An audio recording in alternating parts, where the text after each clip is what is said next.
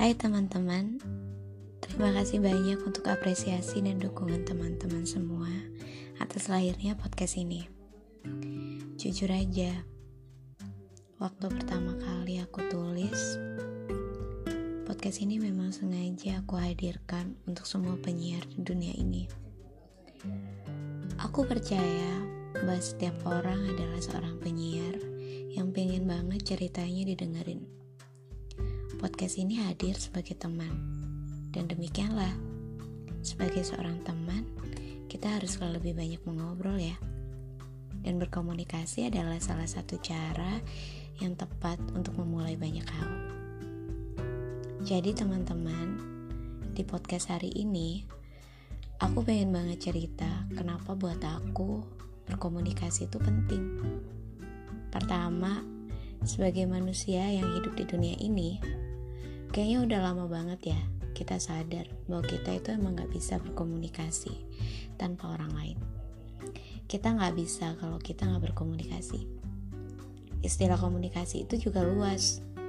Bisa hanya soal vokal atau bisa juga soal tulisan. Tapi juga bisa bagaimana kita menyampaikan pesan ke orang lain. Dulu banget ketika zaman masih belum seperti sekarang ya mungkin di zaman batu atau sebelum itu buyut kita itu lebih sering banget mengandalkan bahasa tubuh untuk menceritakan apa yang terjadi saat itu. Dan orang dulu itu lebih suka mengukir pesan di batu.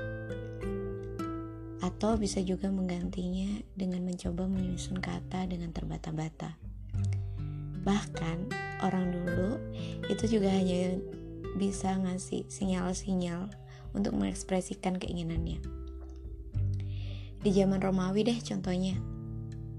Baru ada suatu pengembangan komunikasi dengan cara memperbaiki keterampilan berbicara. Dan kita kenal banget istilahnya, yakni public speaking.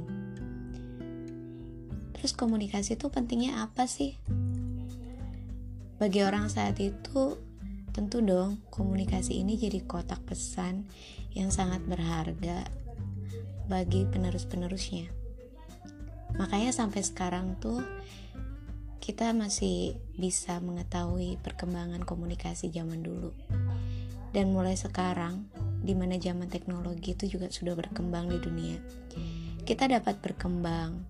Terus kita nemuin hal-hal baru terkait ilmu pengetahuan manusia zaman dulu juga. Karena apa? Karena manusia zaman dulu itu memberi sinyal bahwa mereka itu ada. Coba bayangkan deh, kalau misalnya orang zaman dulu nggak bisa berusaha berkomunikasi. Mungkin sampai saat ini kita masih primitif. Mungkin juga kita nggak bisa kenal bahasa lainnya. Jadi pada dasarnya komunikasi ya tujuannya untuk nyampein pesan, menciptakan pemahaman sebuah pesan dan akhirnya orang yang berkomunikasi sama kita itu bisa saling paham gitu loh. Maksud kita apa? Nah sebenarnya tuh ada loh cara misalnya kita bisa berpikir bahwa sesuatu itu penting atau komunikasi itu penting. Banyak banget caranya untuk menggambarkan bahwa komunikasi itu memang penting. Contohnya deh dalam kehidupan sehari-hari kamu pernah nggak ketemu sama temenmu?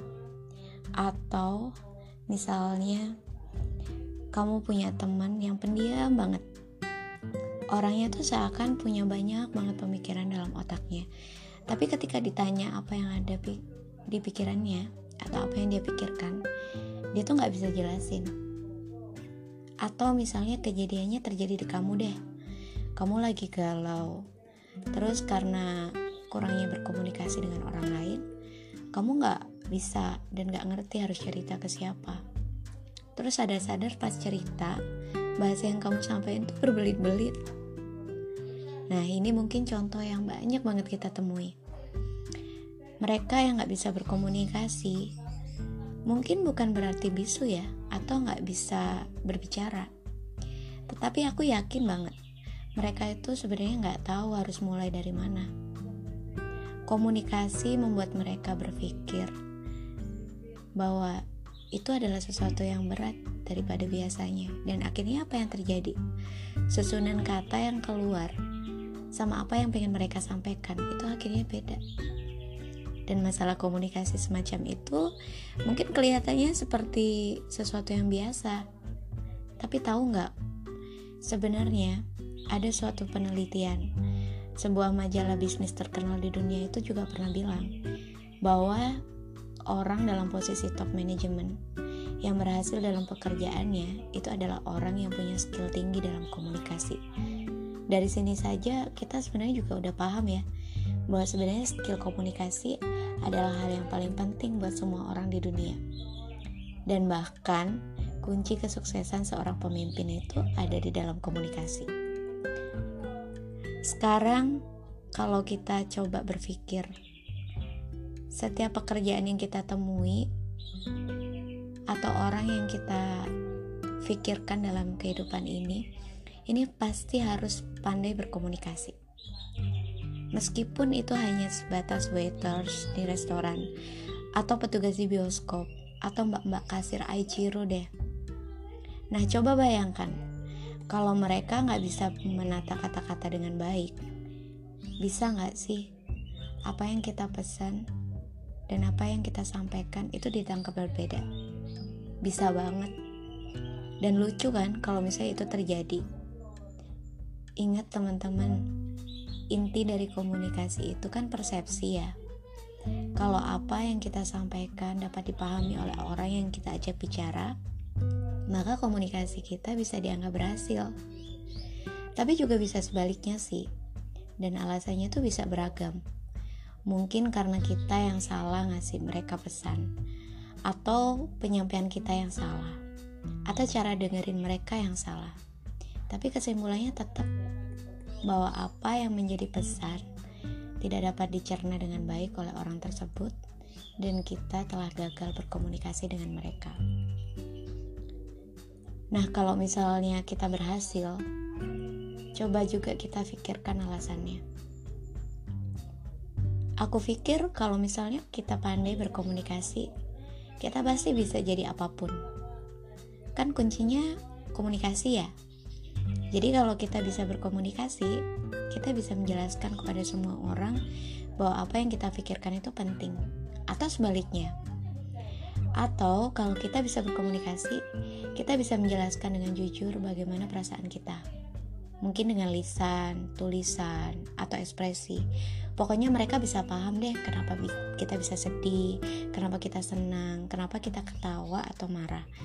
Kalau kita bisa berkomunikasi kita bisa membawa pikiran mereka ke dalam pikiran kita juga. Mungkin kita bisa jadi Hitler kali ya yang punya retorika yang dapat mempengaruhi orang lain dan ini sebenarnya juga suatu ancaman bagi orang-orang yang bisa berkomunikasi karena bahaya jadi menjadi orang yang ber, bisa berkomunikasi bisa bisa saja menjadi orang yang paling berbahaya di dunia. Kalau dia bisa memanfaatkan ilmu tersebut. Dan masih banyak hal lain dan hal-hal baik lain yang bisa kita cari dan kita pahami ketika kita bisa berkomunikasi. Dengan komunikasi nih, kita bisa menjelaskan tugas kita dengan baik lewat presentasi di hadapan dosen menjelaskan berbagai ide marketing yang menarik di hadapan klien. Kita juga bisa menjelaskan kenapa kita ngambil tema khusus untuk pameran lukisan kita. Atau menjelaskan band kesukaan kita deh dan mengapa mereka sangat menginspirasi kita. Pokoknya banyak banget alasan kenapa orang itu bisa berkomunikasi dan mereka bisa jadi orang sukses karena itu. Dan meskipun ada istilah yang bilang bahwa diam itu emas, Aku percaya kok kita juga perlu bersuara untuk mengatakan bahwa dunia itu perlu cerita-cerita kita. Cerita kita juga bisa menarik untuk didengerin. Apa yang selama ini kita alami juga penting loh untuk dijadikan cerita inspiratif. Dan itu bisa terjadi kalau kita bisa berkomunikasi.